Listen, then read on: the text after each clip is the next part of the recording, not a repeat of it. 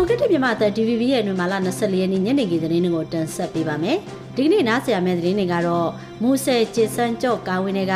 ကားအစီးရေ120ခန့်မီးလောင်ပျက်စီးသွားတဲ့သတင်း။ရှမ်းပြည်မြောက်ပိုင်းကိုကန့်ဒေသမှာဗီယက်နမ်နိုင်ငံသားအယောက်900လောက်ပိတ်မိနေတဲ့သတင်းနဲ့စစ်ကောင်စီတပ်ကလက်နက်ကြီးနဲ့ပစ်ခတ်လို့ပေါ်နှကျိုးမြို့မှဈေးကြီးမီးလောင်သွားတဲ့သတင်းကိုနားဆင်ရမှာဖြစ်ပါတယ်။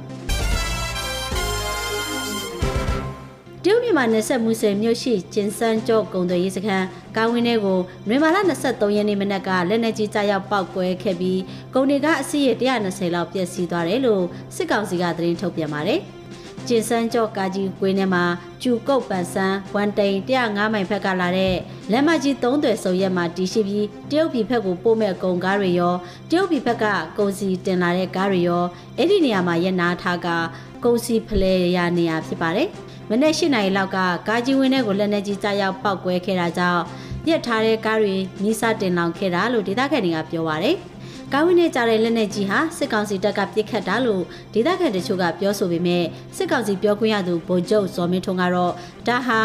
MNDAA TNL နဲ့ပူးပေါင်းလက်နက်ကင်တပ်ဖွဲ့တွေကပစ်ခတ်တာလို့စစ်တပ်ဝါဒဖြန့်ချီမြဝတီသတင်းဌာနကနေထုတ်လွှင့်ထားပါတယ်။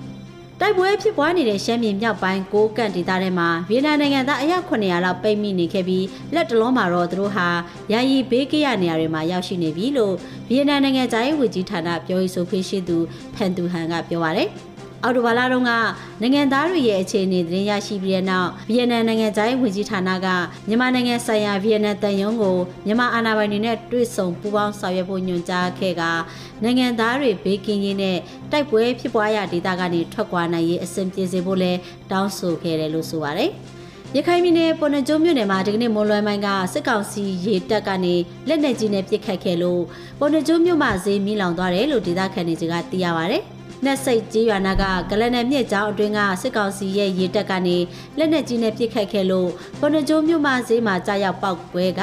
မီးလောင်ကျွမ်းခဲ့တာလို့ပေါ်နကျုံမြို့ခံတယောက်ကပြောပြပါဗျ။အထက်ကကျောင်းသားမှာလည်းတလုံးကြရောက်ပောက်ကွဲခဲ့ပြီးမိသက်ဦးစီးဌာနကိုလည်းစစ်ကောင်စီတပ်ကလုံးဝမီးငိမ့်တက်ခွင့်မပေးဘူးလို့ဒေသခံတွေကပြောပြပါဗျ။ပုံနှကျိုးနားမှာຫນွေမာလာ23ရက်နေ့ညကလည်းစစ်ကောင်စီတပ်ကလက်နက်ကြီးနဲ့ပစ်ခတ်ခဲ့လို့ ရွှေဦးရမိုးကုတ်ကျောင်းဝင်းထဲမှာတလုံးရွှေတောင်တန်းကျောင်းအလွန်ကနေအိမ်မှာတလုံးစေယုံနောက်ကျောဘက်ကနေအိမ်မှာတလုံးကြရောက်ပောက်ကွဲခဲ့ကအမျိုးသမီးတယောက်ထိခိုက်ဒဏ်ရာရရှိခဲ့ပါတယ်ရှင်။တနင်္သာရီတိုင်းမိတ်မြို့တဝဲစုရက်ွက်ရှိမိတ် CB ဘဏ်ခွဲတစ်မှာငွေကြေးပမာဏသိန်းပေါင်း3000ကျော်ပျောက်ဆုံးနေပြီးဒုမန်နေဂျာပါထွက်ပြေးတိမ်းရှောင်သွားတယ်လို့မြို့ခံတွေစီကနေသိရပါဗျ။ ဘယ်ဝင်တဲ့သူကပြီးကလေးရက်ပိုင်းလောက်ကကောလာဟာလာဘန်သတင်းတွေကြောင့်လူတွေကြောက်ပြီးငွေထုတ်ကြတာငွေအထုတ်များလာတာကြောင့်ငွေလိုတဲ့အချိန်မှာသူ့အမှုကထပေါ်လာတာလို့ပြောပြပါဗျ။စစ်ကောင်စီတပ်ကလည်းအဆိုပါဘဏ်မန်နေဂျာရဲ့စနီးနဲ့ရောက်ခမဖြစ်သူနှုတ်ကိုထိမ့်သိမ်းထားပြီးဘဏ်ဝင်တန်းတချို့ကိုပါဖမ်းဆီးစစ်ဆေးနေတယ်လို့မြို့ခံတွေစီကနေသိရပါဗျ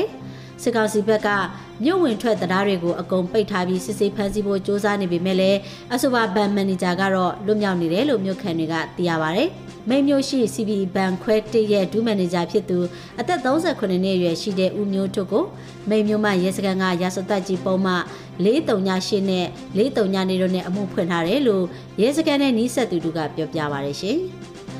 ပဲခူးတိုင်းတောင်ငူမြို့နယ်ပြည်မြို့တို့မှာရှိတဲ့တရားရုံးတွေနဲ့ထောင်တွင်းမှာရှိတဲ့အထူးတရားရုံးတွေကို drone နဲ့ဘုံတီချာတိုက်ခတ်ခရမဲ့သတင်းတွေထွက်ပေါ်ခဲ့လို့ပိတ်ထားတယ်လို့တရားရုံးနဲ့နီးစပ်သူတွေစီကနေသိရပါဗျ။နွေမာလာ20ရက်နေ့ကစပြီးတရားရုံးတွေကိုပိတ်ထားလိုက်ပြီးနှင်ကြပြီးဆောင်ရွက်ရတဲ့ရေစည်းကမ်းဥပဒေဖောက်ဖျက်မှုအမှုခင်းတွေကိုပါအမိန့်ချမှတ်တာမရှိတော့ဘဲဖမ်းဆီးထားတဲ့နေမြေခံရဲစခန်းအချုပ်ရှိတရားခံတွေကိုတရားသူကြီးကဗီဒီယိုကွန်ဖရင့်နဲ့သာအမိန့်ချပေးခဲ့တယ်လို့ဆိုပါတယ်။ ရရုပ်ပိတ်ထားပြီးအချုပ်ထောင်ကနေတရားခံနဲ့အမိတ်ချဖို့ပြစ်မှုကျူးလွန်သူတွေကိုရမန်ကြီးယူတဲ့တရားရေးလှုပ်ထုံလုံးနည်းတွေကိုလည်းရန်နာထားပါတယ်။တောင်ငူမြို့မှာလည်းတရားရုံးပိတ်ထားပြီးတရားရုံးအတွင်းရှိစာရွက်စာရွက်တွေကိုပါဒေသကုကဲရေးစစ်ဌာနချုပ်ဒါကာဆတပ်အတွင်းသို့ပြောင်းရွှေ့ခဲ့တယ်လို့သိရပါတယ်ရှင်။